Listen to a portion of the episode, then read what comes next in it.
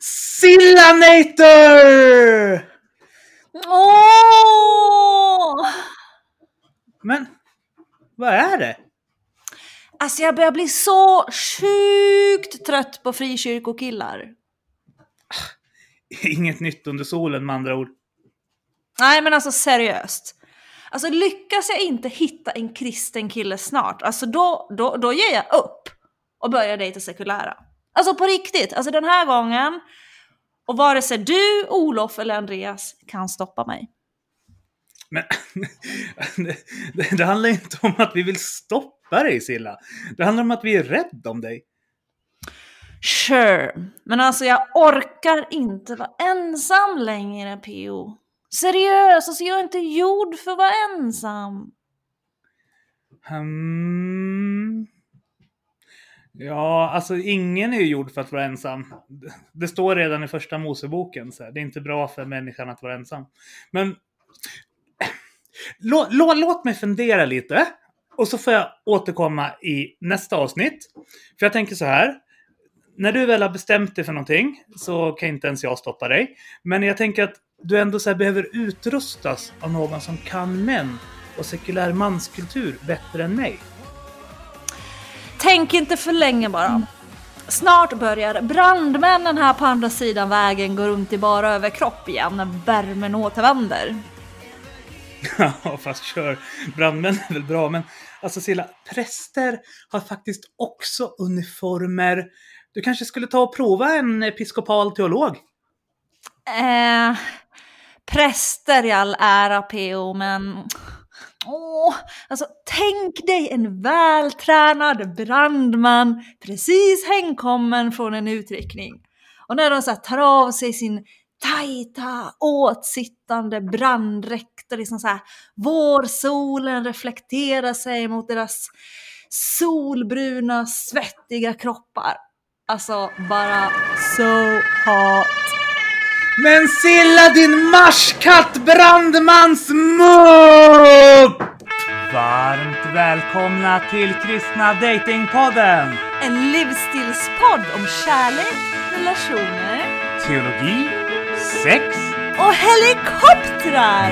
mig, Theo Flodström Apologet, entreprenör och opinionsbildare. och Silla Eriksson. evangelist, entreprenör och opinionsbildare. Podden presenteras i samarbete med kristendate.se och studieförbundet Bilda. Välkomna till ett nytt avsnitt av Kristna Datingpodden! Yay! Och tack för senast PO. Alltså jag måste säga att jag är typ nästan mätt fortfarande. jag kan just tro det. Det blev ju en liten tjejmiddag hemma hos mig senaste helgen. Du och jag Silla hade ju aldrig varit på någon riktig tjejmiddag så att då erbjöd sig Kristina att styra upp en. Och det är alltid kul med en liten fest. Även om det inte blev någon så här glorious birthday nu när Therese Nöjd fick lov att jobba och så. well, liten fest vet jag väl inte riktigt om man kan kalla det, men um, alltså det var ju länge sedan jag sett så mycket liksom, mat på en gång och det var liksom alltså, laxrullar och det var ostar och pajer och räkor och frukt och grönsaker och snittar och cheesecake. Det var liksom så mycket gott på en gång och jag har liksom bara så svårt att sluta käka för att det var så gott. Ja, men du vill ju ha det lite extra allt. Så då tänkte jag att så här, nu när det inte blir någon glorious birthday, då kan vi göra bara liksom så här extra allt tjejmiddag. ja, det blev verkligen extra allt. Men du, Pio, vad har hänt hos dig sen i helgen då? Alltså jag har jobbat sjukt mycket. Kommunen har ju stängt ner arbetsplatsen på tjänstemannasidan. Eh, så allt tar så sjukt lång tid nu när vi inte längre kan vara på arbetsplatsen två till tre dagar i veckan som förut. Eh, och förr fick man så här besöka de olika enheterna och sådär. Små grejer som liksom att bara skriva under några ansökningar och att hålla reda på lite papper eller få lite olika behörigheter godkända. Alltså det tar så här tio gånger så lång tid. Något som jag hade kunnat gjort på en timme i vanliga fall. tar typ en hel dag. Du då? Ja, det låter ju lite mindre kul, jag förstår verkligen det. Men eh, ja, alltså det har inte hänt så det är jättemycket hos mig faktiskt.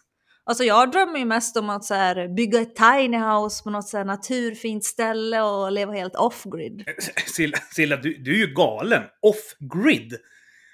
Alltså hur funkar det ens med så här vatten och el? Det blir kallt utan el efter ett tag. Eller hade du så här tänkt ha en hel armé av civilekonomer som kommer att hålla dig varm om nätterna? Eller? ja men precis, det är ju drömmen att hitta en civilekonom som så skulle kunna tänka sig att ha ett off-grid hus i, ute i skogen. Mm. Alltså ute i skogen, svensk vinter, det kommer inte räcka med en civilekonom till. Det kommer behöva minst tre, fyra stycken om du ska kunna hålla dig varm utan el. Och jag menar med tanke på hur svårt det är att hitta bara en, vart ska du hitta ett halvt hockeylag liksom? Civilekonomer vill ju dessutom hellre ha en våning på Östermalm och ett skärgårdshus ute på Sandhamn. P.O. det är ju rolig. Nej, men det är helt sant. Det räcker nog med en, en civilekonom tror jag. Men alltså ett tiny house här ute i Sandhamn hade ju liksom, det hade jag kunnat tänkt mig. Det är faktiskt väldigt mysigt och fint där ute. Faktiskt. Men, åh. Hmm. Hmm. Nu låter du sådär bekymrad igen. Vad är det? Mm. Åh. Ja, alltså. Jo, jag är lite bekymrad. Hmm. Alltså, så här. Alltså jag har upptäckt att jag har destruktiva mönster som jag behöver bli av med. Har du destruktiva mönster? Du är ju så världens mest renlevnadsmänniska jag känner. Hur har du destruktiva mönster? Men inte så, jag menar så relationella när det gäller du vet, relationer. Mm. Alltså jag har ju lite av en otrygg ambivalent anknytning. Och jag har ju jobbat mycket med mig själv, men inser att jag fortfarande har lite av en otrygg anknytning som spökar ibland. Alltså vi ska ju för övrigt prata mer om otrygga anknytningsmönster med David Plars i nästa veckas avsnitt. Så jag har faktiskt eh, tänkt att jag ska ta tag i det här nu. Hmm. Alltså så här, jag har inte så bra koll på det här med olika anknytningsmönster och modeller och sådär. Men generellt så är jag ju lite så skeptisk till olika teoretiska modeller som i så allt för hög grad försöker stoppa in folk i olika fack. Och så här. Min erfarenhet är att så här, människor använder det som ursäkter för sitt dåliga uppförande, eller för att slippa anstränga sig, eller så här, att inte behöva ta ansvar över sin egen situation. Men hur vet man då till exempel ifall man har en otrygg anknytning? Mm. Ja, men alltså våra anknytningsmönster läggs ju väldigt, väldigt tidigt i barndomen. Så. Och hur vi knyter an till våra föräldrar eh, speglar också hur vi i vuxen ålder knyter an till en kärlekspartner. Sen är det ju så att jag menar, jag kan ju vara väldigt, väldigt, jag är väldigt trygg i mig själv och jag är också väldigt trygg i relationer i största allmänhet. Och du kan vara trygg med andra människor men du kan ha otrygga mönster när det kommer till kärleksrelationer. Vilket jag har. Och jag ser ju hur de killar jag har dejtat, liksom alla följer exakt samma mönster. Och det mönstret så behöver jag bryta. Uh, för jag drar hela tiden till mig samma mönster och jag dras till samma mönster. Och det som händer om du exempelvis har en otrygg undvikande anknytning, det är liksom att du träffar en person ett antal gånger och sen märker, sen märker du att du gillar den och så får du panik. Alltså datingpanik brukar man prata om. För man vet liksom inte helt enkelt hur man ska hantera den här liksom intensiva känslan man känner. Vilket gör att man så här, ja, knuffar bort personen man dejtar, man kanske börjar leta fel och intala sig att ja men det här är inte rätt för att bli av med ångesten man känner. Och det handlar ju helt enkelt inte om alltså så att man inte kan knyta an till en person på ett djupt emotionellt plan. Och det här handlar ju mycket om hur man då har knutit an till sina föräldrar när man var liten. Hmm. Okej. Okay. Ja, det, det låter ju rimligt. Eller så här, jag, så här, jag kan förstå vad du menar i alla fall. För vi är ju verkligen formade av våra tidigare relationer och kanske då framförallt av relationen till våra föräldrar. Eh, så jag kan tänka mig att det kan ju vara så att har vi haft föräldrar som inte varit emotionellt tillgängliga för oss så kanske det lätt blir ett mönster som vi också har i nära relationer som vuxna. Eftersom vi formas av vilka förebilder vi har, även när vi inte aktivt tänker på dem som förebilder. Eh, till exempel både min mamma och mormor och morfar, de var ju alltid väldigt tydliga med att så här, deras kärlek var villkorslös och de visade i både ord och handling hela tiden.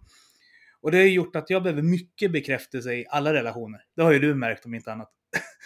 Eh, Precis. för, men, här, men även liksom då vänskapsrelationer, för att ta dem på allvar och relatera till dem som en riktig relation och inte bara så allmänt nätverkande eller så här, någon bekant som bara är lite på skoj sådär. Eh, och jag vet inte, det, det hänger kanske ihop med, med, med det så att jag är van med att så här, riktiga relationer ser ut så. Jag kan ju lätt känna mig så här, ouppskattad om personer i nära relationer inte är lika uttrycksfulla som jag är van med att framförallt mormor var. Mm, men jag kan verkligen förstå det du säger. Och hur vi, alltså hur våra föräldrar knutit an till oss som små, så det påverkar ju verkligen oss, alltså mer än vad vi tänker. Och det påverkar liksom hur vi knyter an till vår kärlekspartner. Um, men det här är, det är väldigt komplext och vi ska inte gå in på det här nu, utan det ska vi köra mera i nästa veckas avsnitt.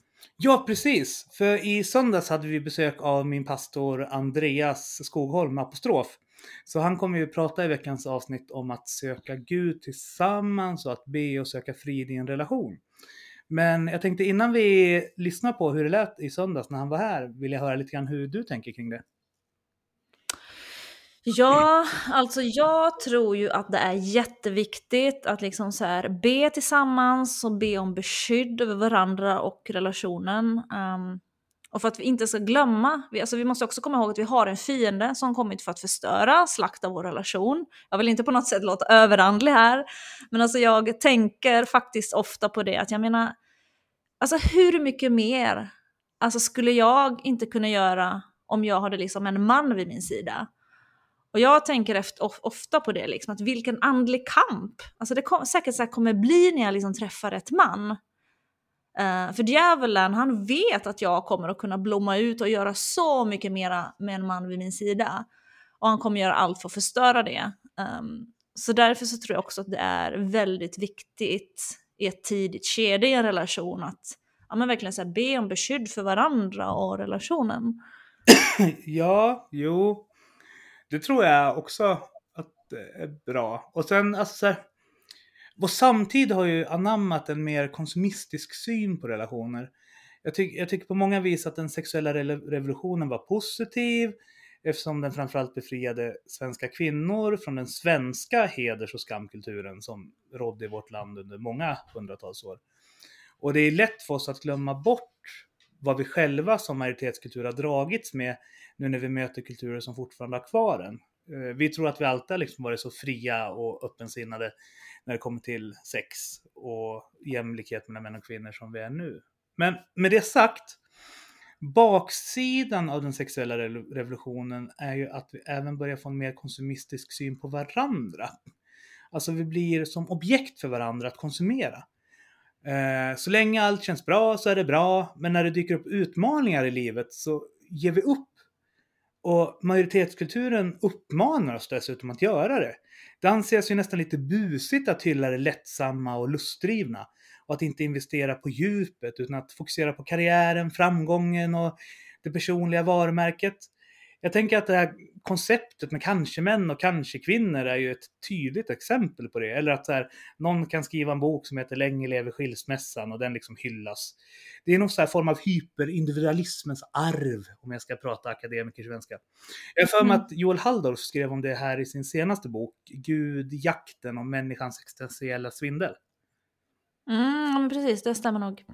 Um, ja, och sen den skamkulturen du pratar om, alltså, den finns ju tyvärr också till viss del kvar lite grann i kyrkan, får man ändå säga. Uh, det är väldigt mycket skam i en del sammanhang kopplat till sex och så. Uh, men jag tycker också att vi ser mycket av det liksom i våra kyrkor också, ja, men hur det slås på relationer. jag, liksom, jag, jag tror också att det är en andlig kamp i det här och att det är viktigt att vi ser det och det är viktigt också att vi ber över alla våra relationer, inte bara liksom när vi dejtar eller träffar någon, utan även liksom alla våra relationer är viktiga. Eh, men du P.O. du och Kristin då, har ni hunnit få till ett gemensamt böneliv? Ja, alltså, innan vi kommer till det, alltså vi är ju ingen isolerad ö. Vad som försiggår i vår omkringliggande majoritetskultur påverkar såklart även oss inom frikyrkan. Men jag tänker ändå att vi har en mycket mer överlåten och långsiktig syn på relationer än vad en genomsnittlig kulturradikal Östermalmsbo har. Ah, men nu ska du inte börja prata illa om Östermalm här, P.O. Det är ju typ den enda stadsdelen i Stockholm du hittar i, bortsett från så här pubbarna på Sveagatan där dina sossepolare hänger. Men du, åter till frågan. Jag är seriöst nyfiken. Hur eh, gör du och Kristin? Ja, jo, men Östermalm är ju fint. Men det är stor, storstadsmedelklassen, alltså stadssvenskar som Fritiof brukar säga. Och dina högermuppar som varit pådrivande i den utveckling vi ser nu. Det är inte arbetarklassen. Dagens Nyheter är liksom en högborg för kulturradikalism och borgerlig dekadens. Jämför den med så här valfritt nummer av Proletären så kommer du förstå vad jag menar. Men Silla, jag ser att du börjar hoppa upp och ner för att besvara din fråga. Nej, inget gemensamt bön, böneliv än, mer än att vi ber för varandra och vår relation på varsitt håll. Så. Men det kanske vi borde börja med, att be tillsammans. Um, grejen är ju så här, att det här med bön, det är inte riktigt så här ett event för mig, så, utan med en pågående konversation. Fast det ena behöver ju inte utesluta det andra. Så att så här, jag hör vad du säger syster Yster, jag ska ta det till mitt hjärta och begrunda det. Ja men bra P.O. gör det, det tycker jag verkligen. Alltså jag tror det är så viktigt. Alltså du vet, jag är verkligen så här riktig så här bönemänniska. Alltså jag, jag är så här, du vet, jag ber typ så här överallt. Alltså jag ringer aldrig ens ett telefonsamtal om jag inte så här bett för samtalet och välsignat personen innan. Uh, det är verkligen så. Ja, det är därför dina telefonsamtal alltid går så bra Silla. Även om de kan pågå ja. i tre, fyra timmar ibland. ja men faktiskt, alltså jag är helt säker på att det är så. Att Gud verkligen är så med mig i allt jag gör just för att jag liksom verkligen så här ber så mycket och litar på att han ska vara med. Och ibland tänker jag liksom att människor inte så här, du vet, fattar vilken power det ligger i att be. Alltså helt seriöst, alltså vi borde be mer. Alltså Bibeln är också så här, verkligen får man säga tydlig med det också. Alltså ni får inte, för att ni ber inte. Och jag tror generellt alltså så att vi borde bli bättre på att be om Guds vishet och att liksom Gud ska öppna och stänga dörrar för oss. Som det står i Matteus 7-8. Uh, eh, be så ska ni få, sök så ska ni finna och bulta så skall dörren öppnas. Ty den som ber, han får och den som söker, han finner och för den som bultar ska dörren öppnas. Sen så säger Bibeln vidare i Matteus evangeliet 2011 att om nu redan ni som är onda förstår att ge era barn goda gåvor, ska då inte er far i himlen ge det som är gott åt dem som ber honom? Och sen måste jag ta det här också, Filipperbrevet 4 och 6. Uh, eh, där uppmanas församlingen att liksom förtrösta på Gud och Paulus skriver till dem att gör er inga bekymmer utan när ni åkallar och ber. Tacka då Gud och låt honom få veta alla era önskningar. Alltså tänk att vi har en Gud som faktiskt är intresserad av att få veta vad vi önskar oss. Alltså jag tycker det här är så coolt. Alltså det finns liksom så ingen gräns för Guds förmåga att hjälpa. Alltså Bibeln säger i Efes, det här är ett av mina favoritbibelställen i hela Bibeln. Efesierbrevet 3.20 så står det att han som verkar i oss med sin kraft och förmår att göra långt mycket mer än vad vi ens kan tänka, be eller ana. Alltså hur, alltså Gud har lovat liksom att möta alla våra behov. Filipperbrevet 4.19 så står det Min Gud ska med sin härliga rikedom i Kristus Jesus fylla alla era behov. Så coolt PO! Yeah! Preach it sister! Alltså, jag tror absolut på en gud som älskar oss och vill ge oss ett glorious liv. Samtidigt tror jag att vi nog ska vara lite försiktiga med den enkelspårighet som jag ibland kan uppleva att så här Hillsong och Bettel och andra trosförkunnare ägnas åt. Eh, för när vi ser ut över församlingen så är det ju en sargad skörd och Många människor har sårats djupt av inte minst eh, eh, predikanter som Ulf Ekman och Trosrörelsen och Livets Ord. Jo, alltså det är ju sant. Alltså, normen är ju inte att Gud i majoriteten av fallen helar från dödliga sjukdomar. Eh, till exempel, och det finns många gudsfruktiga människor som får liksom utstå både hot och hat och förföljelse och allt möjligt och tror att det kan vara konsekvensen och baksidan av kärleken och den fria viljan. Att hat och ondska även flödar i världen. Men jag känner ändå att det liksom är trösterikt, liksom en gud som älskar oss och liksom vill ge oss allt gott och även om människor runt oss utsätts för ondska. Ja, men precis. Alltså, så här, jag tror det är viktigt att kunna hålla flera perspektiv i huvudet samtidigt. Det andra diket är ju romersk-katolska kyrkan som lär ut att Gud sänder lidande och att vi ska ta emot det som en gåva och tacka Gud för det. Det är en lära som jag avfärdar lika hårt som de framgångsteologiska heresierna. Men vem vet? Trosrörelsens närmande till romersk-katolska kyrkan kanske innebär att det i slutändan uppstår någon så här form av relevans och balans utifrån det giftermålet. Jag har hört rykten om att Ekman är tillbaka i Uppsala. Så. Nej, alltså idén om att Gud skulle skicka lidande och prövningar uppfattar jag nästan, alltså det är lite perverst. Alltså minst lika illa som framgångsteologi. Fast alltså PO, vet du, om jag ska gå till mitt eget liv. Alltså det är så coolt för du vet, alltså jag får typ så allt jag ber om. Alltså det är verkligen så när jag du vet så här, ser tillbaks på allting. Alltså det är så coolt. Alltså Gud ville verkligen här, ge oss allt våra hjärtan begär. Men visst, okej okay, PO, det är verkligen en sak som han inte vill ge mig som jag strular lite med. En civilekonom med blåglansig skjorta som vill leva med dig i ett off-grid tiny house. ja, och just den så vet jag inte varför hon inte ville ge mig.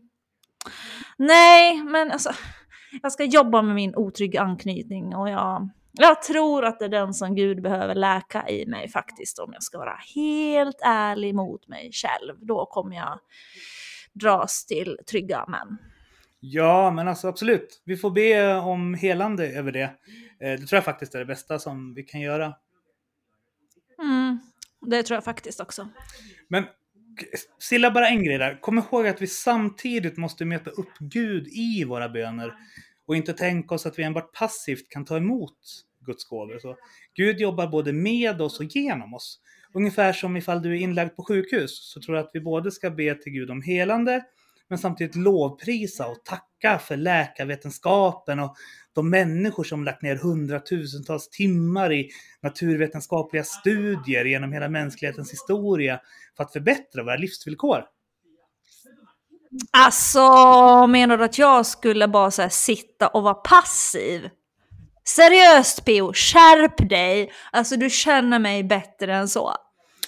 ja, absolut. Men du, jag börjar känna att det börjar bli dags för veckans låt. Coolt! Blir det någonting så här vänstermuppigt eller något mera glorious? Silla, du är en vänstermupp. Alltså, alltså seriöst!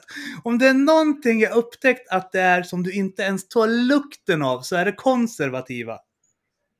Ooh, en konservativ högerman i blåglansig skjorta. Mums!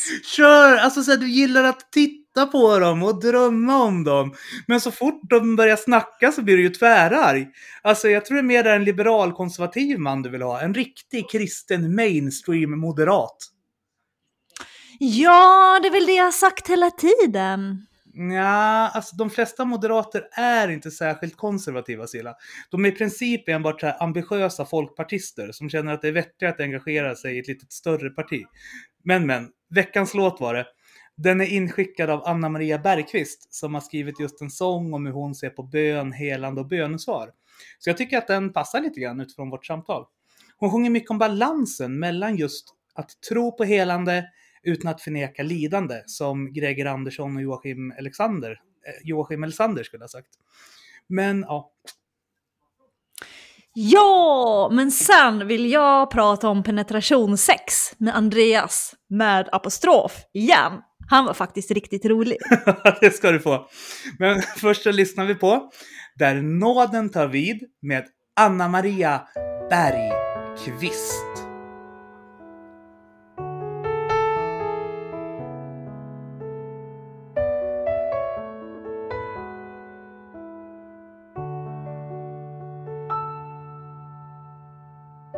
Vi ber om trygghet vi ber om frid.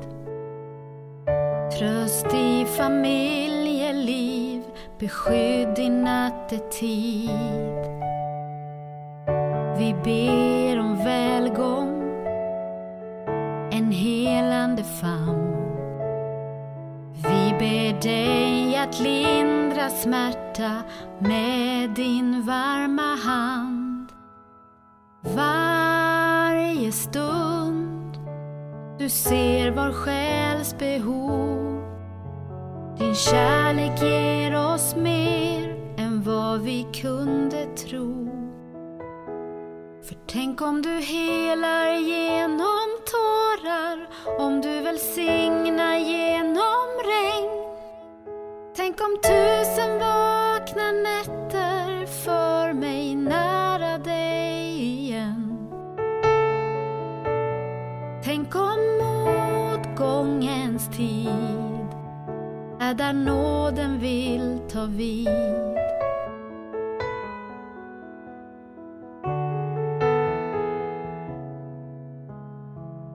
Vi ber om vishet att höra dig.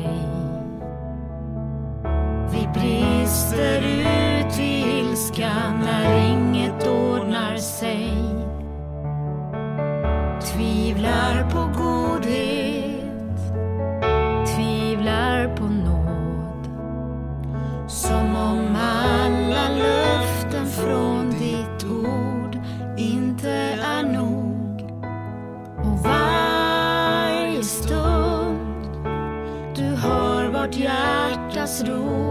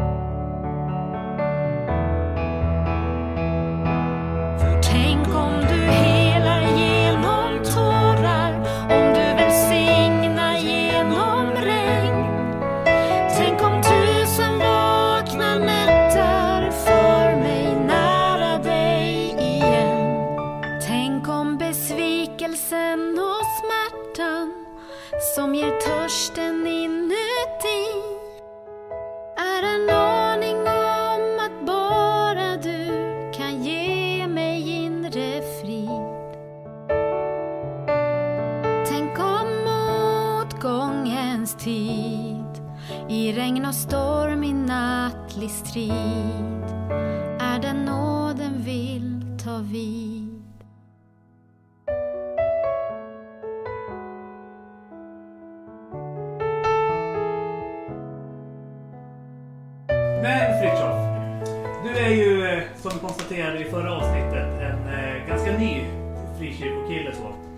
Och, eh, och som vi var inne på lite grann redan förra veckan så finns det ju en del saker i vår kultur som du tycker är lite konstigare än andra. Och eh, Silla brukar ju också se sig själv som lite nyfrälst ibland. Vi vet ju alla att det här inte stämmer för att sju år är inte att vara nyfrälst. Men, Jämförelse med dig är jag ju nyfrälst PO. Och jämförelse med Andreas här är också nyfrälst. Och Tanja också för den delen. Eller kanske nyare frälst. Ja. Men v- vår tanke för det här avsnittet är att du och Fritiof, alltså Silla och Fritiof, ska få ställa sina frågor till mig, Andreas och Tanja kring olika företeelser inom frikyrkokulturen som ni tycker att det här var annorlunda. Och sen ska vi försöka föra ett resonemang kring varför det är annorlunda. nu ska vi bomba er med en massa frågor som vi har kring det här. Mm. Okej, ja, men jag, jag, det, det som jag tycker kan vara lite jobbigt då, det är att det är alltid jag som bjuder ut vännen. Jag har bjudit ut jättemånga killar. Jag har bjudit ut säkert ja, ga- ganska många i somras. Jag har fått nej från allihopa. Mm. Ehm, och jag upplever liksom att det är en... Jag vet inte, det är väldigt sällan man blir utbjuden av en frikyrkokille kille medans utanför kyrkan står männen på kö. Det är hur lätt som helst. Ja, men det är för att de vill ligga Silla. Det Nej, nej, om. nej, nej, det är männen i kyrkan snarare som vill ligga skulle jag säga. Det är min erfarenhet av de kill- senaste killarna jag träffat. De har i princip bara velat ligga. Mm. Ehm, Så. Sen när de upptäcker att de inte får mig dit de vill så då är det inte så spännande längre. Mm. Mm. Det där tycker jag låter lite tråkigt Andreas. Så sorgligt. Ja. Ja, Mm. faktiskt. Sen inser jag att jag kanske har träffat lite speciella frikyrkomän. så också. Mm. Mm. Men, Har du också den upplevelsen Tanja? Nej. Nej, men jag kan inte säga att jag har så mycket erfarenhet heller. Så att jag tror jag håller mig utanför där. Mm. Mm. Nej, jag kan inte relatera riktigt till... Däremot när jag hängde mycket i så här krog och nöjes och kulturvärlden. Där vart du ju friendzonad ganska snabbt ifall du inte låg med tjejen. Så, så där var det ju helt avgörande att så fort som möjligt ha sex. Sen kunde du ta det lugnt när du väl hade haft det. För då hade du liksom etablerat att eh, ni kan ha en sexuell relation. Så. Men, Det där har jag också känt. Att eh, jag märkte det. Eh, på tjejer alltså. Det var väldigt fort blev man friendzonad. Så att det, det gällde att försöka ha sex snabbt. Så att de hade en chans att skapa typ någon form av anknytning. mm. Det, det är nästan lite tvärtom mot vad feministerna pratar om det här med att det är en massa män som bara vill ligga. Att det, det finns de som ibland inte känner något annat val i den sekulära världen. Har jag märkt i alla fall. Ja, men det är min bild också. Och där har jag inte alls känt samma stress i frikyrkomiljö. Så. Nej, verkligen inte. Det, det här är ju... Alltså för mig är det jätteintressant. eh, Och något nytt. Och det, det får mig att fundera på vad, vad de männen kommer ifrån och, och vad de har vad de har med sig i ryggsäcken och, och vilken undervisning de har och, och sådär. Och vad har för värderingar Ja. Också. vilka, ja men verkligen alltså. Mm. Då ska jag säga att det här också har varit äldre män faktiskt. Det har varit så här män mellan 40 och 50. Det är en väldigt stor skillnad, det märker jag. Att om det är män som har haft ett förhållande, speciellt frånskilda män. Då märker jag att det finns två, det är två kategorier. Man kan nästan generalisera in i två kategorier. Den ena kategorin som verkligen håller fast på sina värderingar. Och när den blir frånskild. Eh, då, eller om den, ett, ett sexuellt förhållande tar slut. Då håller den på sig tills den har hittat en, ett nytt förhållande som den Celibat. tänker ska hålla hela livet. Eller så går man bara ifrån alla sina principer. Och väldigt, det är väldigt intressant för ofta av mina kompisar som jag har sett som har skilt sig. Då är det oftast den ena. Den ena väljer att vända sig ifrån sina värderingar men den andra håller fast vid sina värderingar. Så det, det kan ju vara så då att de... Det låter ju ganska igenkännande tycker jag att... Och där tänker jag själv också om man... För sexuell, det sexuella...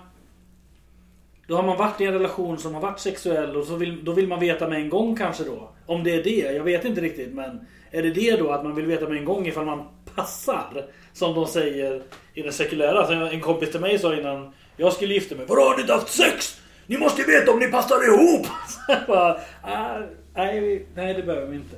Men alltså, Ja. innan- får jag bara, för alltså så här, det där blir för mig så här jätte, det blir som krock.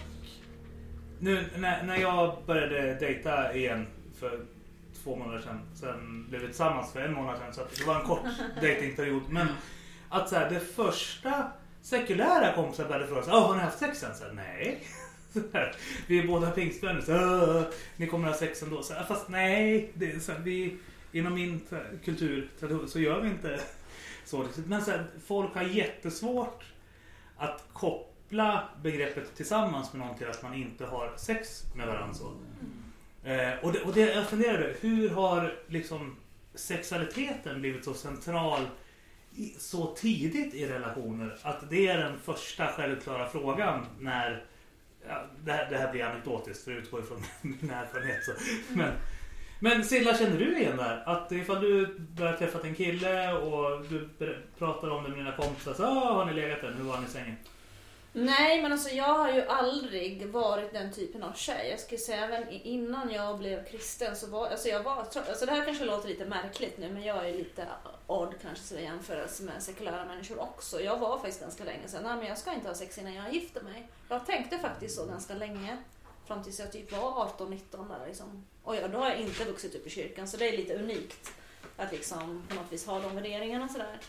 Men jag, jag har ju definitivt aldrig varit någon så här hoppa i sängen på någon första dejt. Definitivt inte. Jag har aldrig liksom varit en sån typ av tjej som har legat Mm. på det sättet. Definitivt inte. Så nej, just det kan inte jag känna igen mig Vad är din bild Fritiof? För du hänger ju med mycket sekulära människor. Oh ja, jag är uppväxt i den sekulära Valbokulturen. Eh, SD-bönder som Silla säger. SD-bönder, jajamän! Det är högafflar och hembränt. Och eh, nej men jag har ju märkt det, alltså eh, det, det är det första folk frågar. Eh, alltså även i mitt jobb i hamnen om man skulle träffa någon. Ja, har ni legat då? Hur, hur var det? Eh, Mm. Okej, tänker jag. Jag har heller aldrig varit den här som verkligen vill och behöver ligga på första dejten. Eh, jag föredrar att lära känna en person först. Men, men det, är, det är en viss hets alltså. Ja, ja. Eh, och eh, den här kulturen kommer ju lite grann från det här 68-rörelsen, eh, fri kärlek och så. Har fri... Ja, nej, ja. Men allting, allting pekar ju på det i vårat, alltså i Hollywoodfilmer, i, i hela vårt samhälle och pornografin som är så utbredd. Allting handlar ju om sex. Och, och det, det folk missar är ju att ett liv tillsammans handlar ju inte om sex utan att fungera och få ett hushåll att, att fungera, att vara öm. Alltså hela allting som är runt omkring. Det är det som är så spännande. Folk bara har du haft sex eller? Nej men vi har pratat i timtals och det gav... Alltså vad är det som är djupast liksom? Och, och där kan jag tänka mig att man... Gosa med hjärnorna! Ja men eller hur? Vad är det som, vad är det som faktiskt har betydelse? Vad är det viktiga i förhållandet? Och där säger ju världen en grej och det, det som världen säger har ju också flera i kyrkan anammat. Och därför tror jag det kan att eh, tragiskt nog stämmer med din bild. Jag säger tragiskt eftersom jag inte tycker att det är bra att ha sex med en gång. Men den som du presenterade i början här Silla, att man är ute efter att ligga. Det blir... Ja, Och himla risken är ju framförallt att det blir en felaktig anknytning. Att det är den sexuella eh, anknytningen som gör, alltså som utgör grunden för relationen. Vilket gör att, att ni har skitbra sex, vilket gör att ni blir blinda för olika varningssignaler och personlighetsmässiga inkonsekvenser som inte kommer bli bra further down the road. Så. Ja, för man kan ju inte bygga en relation på sex tänker jag. Det blir en väldigt, väldigt, väldigt eh, fel grund att bygga någonting på. Alltså så är det ju verkligen. Man måste ju verkligen ta sig tiden att först lära känna varandra. Och grejen är också, har man, den här sex, alltså har man sex direkt, man kommer ju också så, det gör ju någonting med en, det vet ni också, att man, man kommer ju närmare varandra. Ehm, Alltså direkt man blir fysisk med varandra så kommer man närmare. Så att jag, jag tycker att man, alltså man ska verkligen försöka vänta. Jag läste en bok om det här faktiskt. Alltså investeringsmodellen, att man skulle liksom investera eh, man skulle försöka, alltså det var så emotionellt och så var det fysiskt och så var det commitment och det var lite olika staplar så man skulle liksom försöka investera lika mycket hela tiden i de här staplarna så att de liksom var ganska jämna. Så där. Det tycker jag var en ganska sund tanke att investera aldrig mer fysiskt än vad du gör emotionellt och så. Liksom. Och då skulle man kunna säga generellt då, om man är en person som eh, lever som inte är kristen och träffar en som är kristen. Då kan man då kulturellt gå in med föreställningen att vänta med sex. Det är ju ändå, om vi tänker ursprungsfrågan här då. Vad är så här, ja men vänta med sex. Och det, vi kan ju inte gå in på det nu men det finns väldigt goda belägg för att vänta. Kör! Alltså, argumentera för dem. Ja men alltså bara ett, ett belägg är ju det här med resan. Resan med en människa. Det var en pa- pastor som sa en gång, eller om det var någon tjomme, jag kommer inte ihåg riktigt vem det var, men det var bra i alla fall. Som sa så här att du får aldrig tillbaks kyssarna Mm. efter att ni haft sex. Mm. Och jag vet när min fru och jag, när vi var ihop innan vi var gifta, innan vi hade haft sex. Vi låg ju timtals. Vi kunde ju ligga i två timmar och bara kyssa varandra, krama varandra. Vi bara gosades. Och sen när vi väl hade gift oss och, och vi hade haft sex. Då gjorde vi inte det längre. Mm. För då ledde, i regel så leder ju kyssandet och gosandet till sex. Mm. Och sexet är ju inte... Det är som det, först, kli, först kliar det, sen svider det och sen varar det en kvart och så är det som det aldrig varit. Det är en sån liten... och, och så tar det slut och så somnar man. Men det här att ligga och bara älska varandra, drunkna i varandra och i varandras kyssar. Mm. Mm. Att, att det är någonting som bara är, bara det är värt Mm. att vänta med eh, underliven liksom. Mm. Mm. Mm. Jo men absolut. Alltså, och att så här, låta var sak ha sin tid så. Det, jag tror det är det du säger. också. Absolut, ja. Eh, att... Ja, men, eh, jag har ju fått världens finaste adventskalender av Miss K som står där i fönstret. Så. Eh, ända tills hon tvingade mig att börja öppna paketen så gick jag bara omkring och tittade på dem och tyckte de var jättefina. Så. Alltså. Eh, och sen så finns det ju en här i den. Så det hade ju varit jättetråkigt att gå på de här stora paketen först. Eh, som innehåller helt så här glorious choklad grejer. För då hade jag inte uppskattat de här små inledande små pralinpaketen. Liksom, som, och jag tänker att det kan ju vara en metafor även för det vi pratar om här. Alltså så här, kyssarna, smekningarna, drunkna i varandras ögon, de långa konversationerna och så. Ja, men, oh, jag tar bara, det finns en viss kaksort som jag älskar. Och, och den luktar så gott. Och innan jag äter av den kakan, då sitter jag och luktar på den i kanske 5-10 minuter beroende på hur mycket tid jag har. Och bara njuter av lukten. Men sen när jag väl tar en tugga, då dör magin lite. Och så äter jag upp den. Och det är det där, vad är det vi Vad är det för verkligen... kaka? Nej det kan jag inte säga. Det, är, Ja, men vi det får inte- folk vi, lista vi, ut. vi är inte SVT. Det är okej. Straight. Det är Marabou Daim. Ja, Man- den är god. Jag älskar den också. Ja, den är jättegod. Och den luktar Mm, så väldigt gott. mycket vanilj. Du? Säger ju att du inte är någon kaktjej Silla. Ja, men slö kan jag ta. Är mest choklad. Nej, alltså- alla tjejer är kak och chokladtjejer, mer eller mindre. Det är bara en skala där. Choklad i alla fall. Ja, speciellt lintkulor. Ja. Nej, men där kan jag känna igen Andreas som du säger, alltså, att man håller på något vis den här sexuella spänningen vid liv också, att man inte bryter den. Det jag tycker är väldigt skönt att vara i den här spänningen. Liksom. För det är någonting som händer sen när man bryter den. Liksom. Det är någonting där då. Men att liksom bara vara i det här. Alltså jag tycker det är ganska coolt egentligen. Faktiskt. Mm, Och när man har när man har gift sig och när man har bestämt sig nu ska vi leva hela livet tillsammans och så har man sex. Eh, oavsett om man har sex innan man är gift sig eller efter man är gift sig, men, men man har sex efter beslutet att verkligen vara tillsammans hela livet.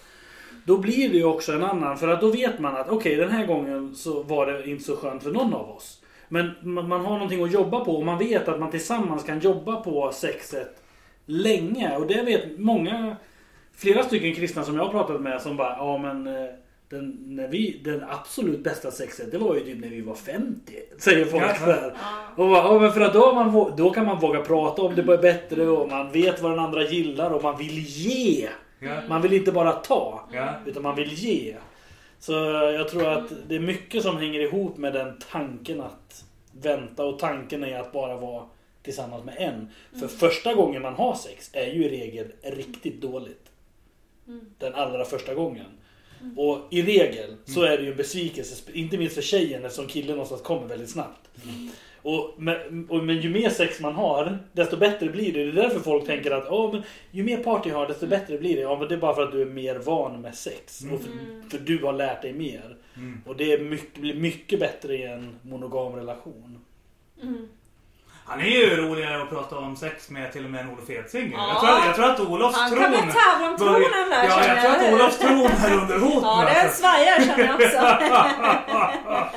Vi får bjuda in Andreas och Olof till samma avsnitt. Ja, och får det vore ett drömavsnitt. Ja, vem är Ja. kungen av sex i frikyrkan? Ja. Liksom? Är det Olof Edsinger eller Andreas Skogholm?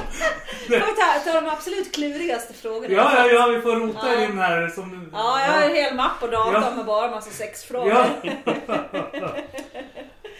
Ja. Men eh, Fritiof, har du några sex frågor till pappa Andreas? Eller? alltså man säger så inom katolska kyrkan, pappa. Alltså istället för pastor. Eh, jag vet inte om jag riktigt har sex frågor. Eh, det, det är mer lite så här. Det här tror jag kanske en del killar som är lite nyfikna på om de skulle kunna dejta en kristen tjej. Mm. Vad ska man göra och inte göra? Vad ska man tänka på? Tanja. Det är väl din del? Oj, ja. Ja, på vilket sätt menar du? Ja men alltså om vi säger så här. Den här Valbokulturen jag kommer ifrån.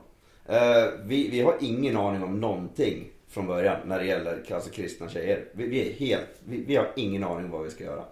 Eller inte göra. Okej. Vet, vet du vad vi är van med?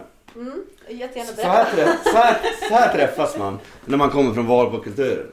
Man går på fest tillsammans. Sen dricker man sig riktigt redlöst berusad. Och sen bara händer det någonting. Okej. Sen är man tillsammans. Ja. Mm. Så man hoppar i säng typ sen efter de där x antal ölen? Liksom. Ja, ja. Eller typ Ja, hånglar och hem- hoppar i det- säng sen. Det är skattefria, det är moderatdricka Silla på de här festerna. Det är inte, det är inte beskattad alkohol här. Ah, Okej, okej, jag förstår. Nej, men då, då tänker jag att det är mer eh, prat. Alltså, ta, ta drickarna utanför hela det här och ta tid att lära känna eh, kvinnan eller tjejen och, och ställa frågor och få veta mer. Det är så man, blir, man känner sig uppskattad. Eh, inte att man är jagad på det sättet att ah, det är köttbit och då, då jagar jag dig. Utan det är mest vad är, det som, vad är det du som person? Vad tänker du? Vad är dina värderingar? Hur tänker du där? Diskussionerna, det är där det, det faktiskt eh, kommer fram, tycker jag. Eh, och när det väl utvecklas mer och mer och man kommer in i diskussionerna så är man mer Ja, men okej, det här går framåt eller inte. Alltså att bara, bara söka efter, vad jaga efter någon tycker jag inte det är, det är så um, framgångsrik. Mm. Och absolut, alltså med goda tankar och ingenting som påverkar. Och jag tror man behöver gå in med, nu får du rätta mig om jag har fel Tanja, men jag tror man behöver gå in med en mentalitet av dels precis som du säger den här lära känna mentaliteten och också att visa en enorm respekt för den kristna tjejens tro. Ja. Att aldrig börja med att liksom, nej men åh, vad fånigt. Så Utan Mm. det där, man bara tok respektera det. Ja. Och vara beredd på att hela livet leva tillsammans med någon som tror annorlunda. Och att hela tiden acceptera det. Det tror jag är en nödvändig ingång i, och det, det behöver ju tjejen också göra. Om tjejen träffar en sekulär man. För om det är tjejer som lyssnar som träffar sekulära män, då behöver man vara medveten om att troligtvis så kommer inte killen bli frälst. Utan man behöver ha en medvetenhet om att om jag går in i det här så kommer jag leva tillsammans med en ofrälst kille hela livet. Sen hoppas man ju att killen blir frälst. Det är ju önskan. Mm. Men, men man, behöver, man behöver ha det målet för att det går inte att bli tillsammans med någon och tänka jag ska ändra på den här människan. Utan man behöver bli tillsammans med den som, som den är. Mm. Ja, jag tänker där också. Jag har ju öppnat upp mig mer för att träffa någon sekulär nu med tanke på statistiken och så här. Jag skulle aldrig ha visat dig den där statistiken. Nej men alltså då blir det ju också, jag menar ni, ni förstår säkert utmaningen i det. Ska jag träffa en sekulär kille, hur många sekulära killar är det som är villiga att vänta med sex tills man gifter sig? Enormt få. Alltså det är väldigt få, jag skulle också säga det. Att det är nästan snapping på omöjligt. Så det blir jättesvårt för mig känner jag också sådär. Där har man verkligen en utmaning om man verkligen vill hålla fast vid de värderingarna, att man vill vänta med det. Det finns, det finns ju någon attityd bland sekulära killar att säga "Ja, men du köper väl aldrig en bil utan att provköra den. Vil- Vilket ju också liksom då speglar att det är sexet som är fundamentet i relationen så, och sen byggs de andra grejerna på. Det är sjukt jobbigt för jag har köpt en bil som en annan person har provkört åt mig och så har han tyckt den var bra och så bara, "Ja, då tar jag den. Sjukt jobbigt med den metaforen. I studentkretsar så är det där dessutom ett sätt att prata. Alltså, ja men jag låg med henne förra helgen skitbra i sängen. Du rekommenderas varmt så. Mm. Så att det är inte så farfetched som du tror att det är. Så. Där har man ju den kulturella skillnaden verkligen. Ja. Ja. Men man ska tänka att eh, om det är, oavsett om det är en eh, frikyrkotjej och, och en ofrälst kille eller tvärtom. Man ska tänka också att det, det är olika värderingar i grunden där. Och det, man måste komma in i väldigt mycket. Alltså, till vilka, man måste diskutera det här väldigt bra. Och jag, faktiskt, jag är lite tveksam till att tänka att det, det fungerar bra i det långsiktiga. För att eh, det blir, det, det blir bråk om eh, värderingar och grunden.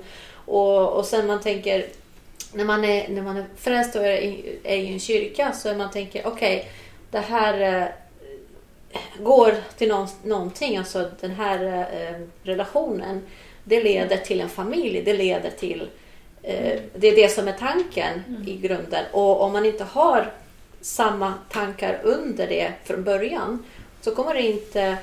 Hela den här resan kommer inte gå så bra. Jag tänkte på det här att här i, jag känner att just vi, vi lever i en eh, tid där allting kommer snabbt och man hinner inte... Alltså det, det är alltid eh, snabb mat, snabba grejer, snabba beslut.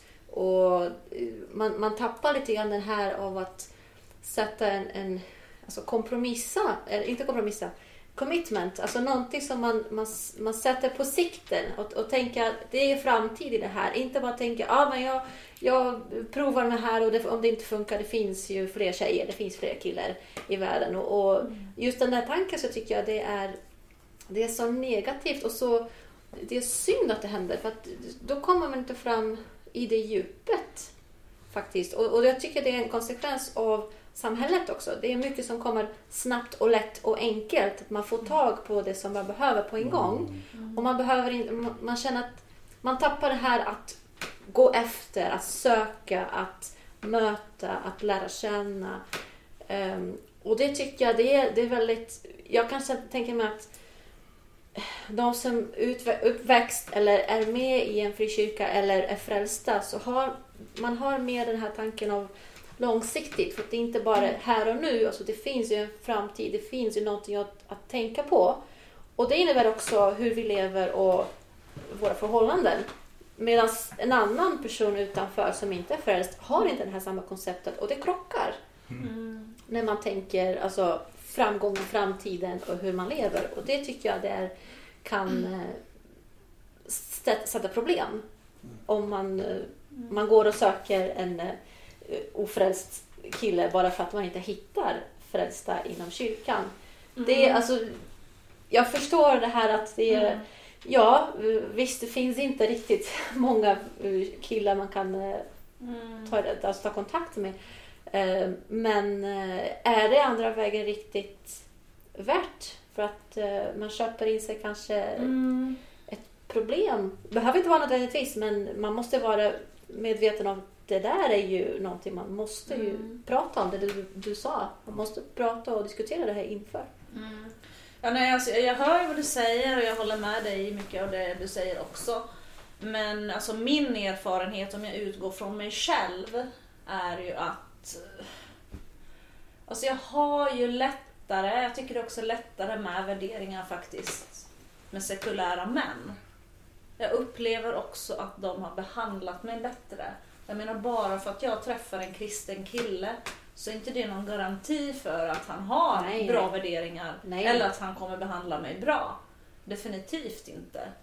Ehm, så jag menar på något vis, det känns som att vi glorifierar gärna liksom de här Alltså andra kristna så är det att man liksom upphöjer det här att ja men träffa bara någon partner som är kristen så kommer det liksom bli jättebra allting. Men jag menar det är inga perfekta människor i kyrkan heller. Nej. Snarare min analys tvärtom att det är de här liksom 40-45-åringarna som är out on the market, att det blir lite, de är oftast ganska trasiga. Eh, Och då är det, upplever jag, lättare faktiskt att träffa någon utanför kyrkan. För det, är en, det är ett annat mindset och man är liksom, jag upplever att det är lättare att connecta. Man har oftast, om jag ska vara helt ärlig, kan jag uppleva att det blir lite mera schyssta värderingar. Man är lite mer seriös i sin approach liksom på något vis. Men jag tror, tror när vi pratar så jag tror vi pratar olika generationer. Ja, Och det ska vara är värt att nämna. För när vi pratar då tänker jag att vi pratar runt 25. 25-30 Ja. Och oftast har de tjejerna, killarna, de har oftast kvar sitt. Men ju äldre man blir desto mer släpper man på det. Tror jag generellt Ja, för liksom. nu, jag, har ju trä- jag har ju dejtat en del som har varit äldre, typ så Ja. 40, 45 så. Mm. Så att jag menar, det, det känner jag mig klar med. Mm. Så. Och sen så ska man ju säga att bara för att man är kristen och Jesus, Jesu lära om kärlek och det, allt det fantastiska så behöver inte det betyda att människan är kärleksfull. Mm. Tyvärr är det ju så. Ja. En del är ju bara kristna i ordet. Ja, Alltså, precis. Men inte i hjärtat. Och det som vi, Tanja och jag lyfter, det är ju människor som är det i hjärtat. I hjärtat, Ja, precis. som Inte bara för att man har ett, ett namn och Mm. ja, jag är kristen, jag kallar mig som kristen så går det bra. Nej, det är ju ett sätt Mm. att vara. Det är ju i hjärtat. Det är, När de är kulturellt kristna liksom. i, ja, precis. Inte, inte det, utan den, den som riktigt har Mm. den där i tanken. Eh, jag, jag har ju stött på och känner och har känt, jag säger ungefär en tio kristna kvinnor. Eh, och nu kommer det riktigt dålig eh, personlig statistik från min sida här Silla. Ett av de förhållandena är bra. Och samtliga har varit med sekulära män. Och jag tror att det ni var inne på det absolut viktigaste. Eh, för så är det i det förhållandet som funkar och har fungerat i ja, 40 år. Eh, att eh, den mannen då är öppen för sin kvinna. Eh, och jag tycker egentligen det ska vara en självklarhet. Alltså, det ska inte, egentligen inte ha med kristendom eller inte att göra. Men det är, det är sällsynt alltså. Och eh, tyvärr i den sekulära världen så är det, jag har stött på flera gånger att eh, männen till exempel har varit otrogna medan kvinnan är sjukt trogen. Alltså om kvinnan är sekulär också tänkte du eller? Nej nej alltså här snackar vi kristna kvinnor med Ja. sekulära män. Ja. Men samtidigt så har vi den här statistiken som du nämner ofta Silla. Alltså den går ju inte ihop. Statistiken ser ju ut som Sovjet efter andra världskriget. Alltså det, det finns inga män. Ja men alltså Andreas, det är inte intressant. Hur ser du som pastor på det här då? Jag menar att det faktiskt är så här illa att det går tre till fyra stycken kvinnor per man i de större städerna. Ja, men eh, det, vi, rent statistiskt sett så är vi en del kvinnor liksom här så, som kommer bli över. Jag inser ju själv att jag kommer bli över eftersom jag inte står så högt i kurs heller bland kristna män. Eftersom jag inte är någon frikyrkotjej. Så är jag liksom verkligen utdömd då, tycker du, till att leva själv? Eller hur ser du på det? Tycker du att jag ska hålla fast vid en kristen man eller tycker du att jag ska öppna upp mig för att kunna träffa någon sekulär man då?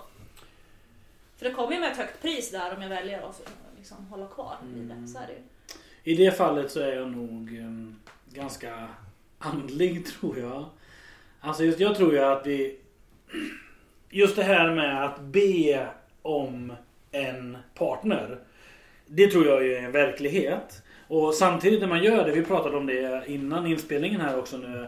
Samtidigt som man gör det så kan man ju inte bara räkna med att eh, Mr Rätta ska falla ner för ens fötter. Men jag upplever ju i mitt hjärta, när Gud talar till mig, då pratar han om, då, då är det frid. Och jag, jag tänker att den friden som man upplever, att det är det som, det står över allt annat. Och där är bara den friden är så personlig. Och där skulle jag säga att om du till exempel hittar en sekulär man, träffar den personen och så känner du frid över det. Då, då tror jag att det är liksom på något, inte sanktioner, men alltså varsågod. J- Jag har vid flera tillfällen, vi har haft Dels när jag blev tillsammans med Elin, men det är en helt annan berättelse. Men då, där var det verkligen frid över att vi skulle bli tillsammans. Vi upplevde det som Guds ledning båda två. Och det var en massa grejer som jag inte hinner gå in på nu. Men hon var kristen också. Ja, det var hon. Men i andra, ta till exempel eh, att vi skulle öppna upp vårt hem för någon som skulle sova över. Och det vill man ju göra, så, eller vi vill göra det som, som troende. Vi, vi har möjlighet att ha någon i gästrummet som behöver hjälp och sådär. Och då kanske det har funnits folk som, som vi skulle kunnat hjälpa. Fast när vi har bett över det så har vi inte upplevt frid. Vi har inte fått den där friden. Samvetet säger en grej då. Då säger samvetet, ni borde göra det för att om ni inte tar in den personen då kommer den hamna på gatan. Fast Gud, han säger, gör det inte. Och sen i efterhand, när den friden inte har infunnit sig, då har ju vi sett i efterhand att känna, det hade blivit kaos om vi hade tagit in den personen och skulle bo hos oss. Så jag tror att den här friden ifrån Gud, att söka den som kristen i en relation, det är kärnan på något sätt. Och, och Gud är ju större än ifall det ska vara en kristen partner eller en... Jag tror att det är absolut... Givetvis tror jag det är bäst att ha det. Någon som delar samma värderingar och samma tro. Men, men jag tror att friden går över det. Guds frid. Tror jag... Ja. Sen har jag någonting, jag tänkte på en annan sak. Man söker... Det borde vara att man söker Gud först. Och sen söker man partner efteråt. Det är inte att hela mitt liv är... ja, Jag, jag siktar på att ha ett partner och jag, jag jobbar och jag skaffa någon bredvid mig. För att jag vill verkligen ha det. För att eh, det känns som att då, då, sätt, då sätter du din partner över, eller, eller din önskan av att ha en partner över Gud och eh, hans vilja. Känner jag. Så att man ska tänka också, ja, det kanske är vissa av oss som inte kommer ha, eh, kommer ha en partner. Eh, men samtidigt så, sen, så kan man känna så här, ja, men eh, känna, känna frid i det. För att jag gör det som jag kan och jag jobbar med att det är Gud först. Allt annat kommer sen till mig beroende på hans planer i mitt liv här. Så att man ska inte bara glömma bort och säga ja men jag vill jättegärna ha det men om det inte funkar på ditt sätt Gud, men då kommer jag söka här och se vad är det som är ledigt som jag kan, eh, som jag kan få eh, umgås och ha det så kul med. För på något sätt så känner man, ja men då, då struntar jag i dina planer hos mig och jag är här kanske väldigt andligt här just nu. Men då, då kommer, kommer man hem med den här attityden av att nej men jag strunt, eftersom det inte är Gud som jag vill, då struntar jag i det som du har som planer för mig och då söker jag mitt eget på mitt sätt. Och det är också, ja, Ja, men jag tror det ligger jättemycket i det du säger. För det är så lätt på något vis att man liksom bara har så. Ja, men man, nästan, projis- man liksom projicera så mycket nästan egen kraft. Så här, att ja, men jag vill ha det här. Ja. Men att liksom verkligen lägga Gud först i Mm. det här. Jag tror att det är verkligen Och- sunt. Och det betyder inte att jag säger ja men om Gud vill att en kille ska vara, jag ska gifta mig så kommer det här hamna på mina fötter. Alltså det, det är min mening inte så. Nej, nej. Men samtidigt så känner jag att eh, på något sätt så ska man, eh, eller så inte ska, man bör, borde kanske söka sig själv först och se vad... Det är ju den, den kristna vägen är ju det. Sök först Guds rike och hans rättfärdighet Ja. så ska du få allt det andra också. Och jag tror när man dejtar, för jag tror ju på aktiv dating som vi pratade i förra avsnittet om. Och då, då är det ju, när man dejtar då ska man ha med det. Att Ja. man, man hela Precis. tiden söker Gud. Precis. Mm, verkligen. Fritiof, du hade en sista fråga där innan vi ska börja gå in för landning. Eh, Det här är inte en fråga utan det här är bara någonting jag ville säga i, nu här i slutet. Mhm. Att eh, en av personerna som har fått in mig på vägen till eh, kristendomen är en eh, superateistisk fi- filosof. Eh, och han har alltså gått igenom punkt för punkt varför vetenskapligt Bibeln har rätt. Och framförallt när det gäller relationer. Och han sa en sak Är det Peterson eller Monio eller vad han heter? Molyneux ja. Molyneux. Eh, Stefan Molyneux. Mm. Kolla inte upp honom på Wikipedia, de ljuger. Lyssna på honom istället. Eh, och han sa en sak som jag tycker att alla kan ta med sig oavsett om du är kristen eller ateist, eh, man eller kvinna.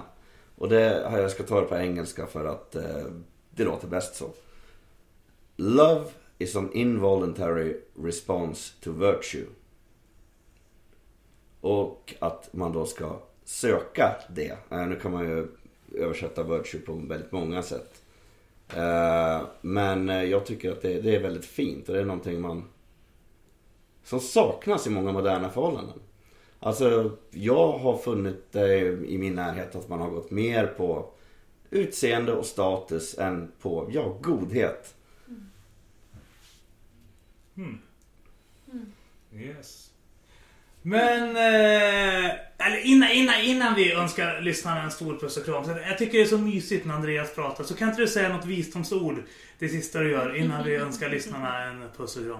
Visdomsord. Ja, men när det kommer till det här med kulturer så tror jag man över, överhuvudtaget så pratar man ju om att det är olika och det är kulturer inom allting. Alltså kommer du in i ett amerikanskt fotbollslag då är det en kultur. Det finns speciella ord. Det finns det. Kommer man in i Volvo-kulturen så är det speciella ord och kultur. Kommer man in i frikyrkan så inom alla olika kulturer, subkulturer så, så finns det olika hur man ter sig, vilka ord man använder.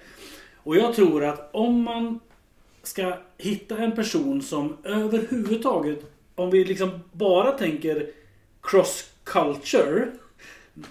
Att ja, jag tycker inte om sport och så vill jag träffa en tjej som tycker om sport. Då är det här att lyssna, det som Tanja sa förut alltså. Att hela tiden försöka lyssna och tänka vad kan jag lära mig av den här människan? För det som jag märker hos människor är att man ofta vill överföra sin egen livsåskådning på andra. Man vill över med sin egen kultur, man tycker att den är bäst på andra. Och då när man träffar en sportkille då kanske man börjar med motargument varför sport är så dåligt. Istället för att också då ta sig tid till att lyssna. Vad är det som gör att du triggas av sporten? Vad är det som sätts igång i dig? Och, och den andra partnern i ett lugnt sansat samtal. Men du då? Vad är det som gör att du inte går igång på sport? Och då tror jag att man kommer väldigt långt. Och då tror jag också att man kan leva med enorma olikheter i ett förhållande. För att man accepterar ens olikheter. Och då blir olikheterna någonting som är det kanske bästa. När en tjej sitter och, och gör sitt och, och killen, nu blir det ju lite så här men killen kollar på sport. Det kan ju givetvis vara tvärtom. Och så sitter han och ryter och, och skriker åt det här laget. Och hon bara sitter och... Åh, det är så mysigt. Bara för att det är den människan och hon vet vad det beror på. Men hon skulle aldrig kunna tänka sig att göra samma sak. Och det tänker jag kan bli en väldig styrka. Att hitta styrka i ens olikheter över kulturgränserna. Jag känner, Ja, men alltså Miss- K fick mig att kolla på På spåret förra helgen men fick det bli mysigt ändå för vi höll handen under tiden. Ja, men alltså någonstans är det de här olikheterna för min egen del i alla fall som man går igång på. På riktigt. Jag, alltså, som sagt, jag är, jag är verkligen så sjukt dålig på allt som har med admin och papper och sånt här. Det är därför jag går igång på civilekonomer som sitter med en momsdeklaration liksom och ler. Alltså det är ju sjukt hot tycker jag. Medan jag själv liksom, woo. Så det är något som, det är någon attraktion i det där som gör att jag tycker det här är jättehett liksom. Du tänder på riktigt på män som sitter och håller på med papper. Ja, jag tänder på män med papper. På Ja, okej. riktigt. Så är det. Mm, Ja, ja. Jag och Andreas antecknar och tar med oss det ut i våra, till våra kristna manliga bekanta i singelförsamlingsvärlden. Vi tar in en lista från dig sen Tanja också så får vi... Om Silla tar alla tråkiga killar så blir det väldigt många roliga över till dig tänker jag bara spontant. Så de här civilekonomerna i blå skjorta som momsdeklarerar, de är liksom inte roliga. Det finns eh, en annan typ av killar jag hellre hänger med om jag säger så. De kan vara jätteroliga de här civilekonomerna Ja. också faktiskt. Jaha. Ja, de kan överraska jättemycket. Ja, jag tror det. Ja. Men kära lyssnare, nu ska vi gå och äta kräftor som Fritiof har fångat med sina bara händer. Och eh, ni som kan den här traditionen med Kristna Datingpodden vet hur Ja. jag och Silla vill avsluta våra avsnitt och vi tänkte bjuda in er till den avslutning. Silla, vill du instruera dem? Ja, då ska, brukar vi önska alla en stor puss och kram. Så det ska vi göra även denna gång. Så till alla våra lyssnare, en, En stor puss och kram! Stort tack för att du har lyssnat på Kristna Datingpodden. En livsstilspodd i samarbete med kristendate.se och studieförbundet Bilda. Mig, Silla Eriksson och Med mig, Theo Flodström följ oss på kristendate.podbean.com och Spotify.